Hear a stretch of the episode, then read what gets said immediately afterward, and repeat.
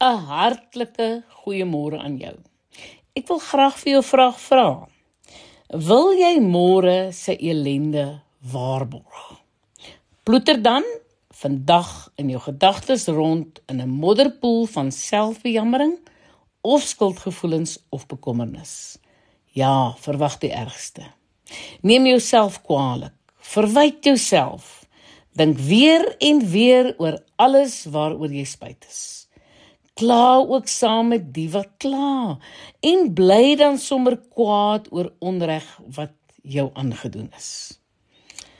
Ja, gedagtes hou altyd gevolge in. Om van jou angs en bekommernis, bitternis en ontevredenheid verlos te word, het jy 'n gesonde gedagtewêreld nodig. Jou uitdagings is nie werklik jou uitdagings nie. Jou uitdaging is die manier waarop jy oor jou uitdaging dink. Jou probleem is nie jou probleem nie. Dit is die manier waarop jy daarna kyk.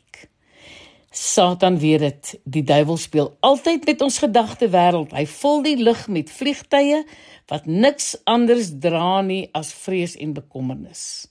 En hy doen sy bes om ons te oortuig om hulle te laat land en hulle bose vrag in ons gedagtewêreld af te laai. En so steel hy jou blydskap. Die vraag is, hoe kry jy jou vreugde terug wanneer jy dit verloor het? Hoe verander jy jou mismoedige denke in blydskap? Wil jy môre ook met blydskap leef? Wil jy? Saai dan vandag reeds die saad van gelukkig wees. Hoe doen 'n mens dit? Tel jou seëninge. Memoriseer Bybelverse en sing lofliedere. Luister dan ook na goeie geestelike musiek. Bring tyd deur saam met mense wat jou bemoedig. Jong, jy moet by die bron begin. Vra vir God. Bid dat die Heilige Gees in jou sal werk en jou weer vol vreugde sal maak gaan soek dan aktief na dinge om oor bly te wees. Lees die woord en eet God se woorde soos die profeet in Jeremia 15 vers 16 sê. Ek het u woorde verslind toe hulle gekom het.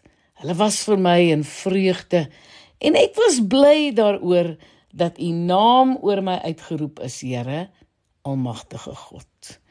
Ja, die Bybel wemel van verwysings na vreugde gaan sniffel hulle bietjie uit in verskillende vertalings en spreek dit soos lesers oor jou eie dag uit. Gebruik gerus vertalings wat met jou hart praat sodat die woorde maklik in jou kop kom lê. Nou hier is 'n goeie gedeelte waarmee jy kan wegtrek. Nehemia 8 vers 11 sê natuurlik die vreugde van die Here is my krag. Of jy kan dit in Engels onthou for the joy Yes, the joy of the Lord is your strength. Gaan lees die psalms. Kyk of jy elke dag 'n psalm twee keer hardop kan lees en dan bepeins en oordink. Soek 'n sin wat vreugde en blydskap en lofprysing of krag raakboor. Man, skryf hierdie woorde op 'n post-it papiertjie en plak dit iewers waar jy dit gereeld raak sien. Plaas dit op die skerm van jou slimfoon sodat jy herhaaldelik daarna kan kyk deur die dag. Dan herhaal jy dit. Bid die sin wanneer jy gaan stap of oefen of voor die kospotte staan. Die vreugde van die Here is waarlik ons as gelowiges se krag. Soos Psalm 144 vers 15 so mooi sê: Gelukkig is die volk wie se God die Here is.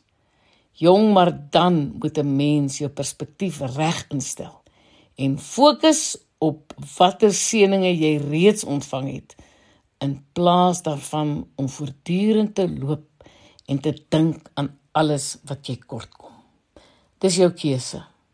Dis waaragtig jou keuse oor hoe jy oor die lewe wil dink. Bepeins die dinge daarbo. Wees dankbaar en lewe elke dag met opregte dankbaarheid oor wat die Here vir jou in jou lewe gedoen het. Ek is Lenet Beer vir Radio Kansel.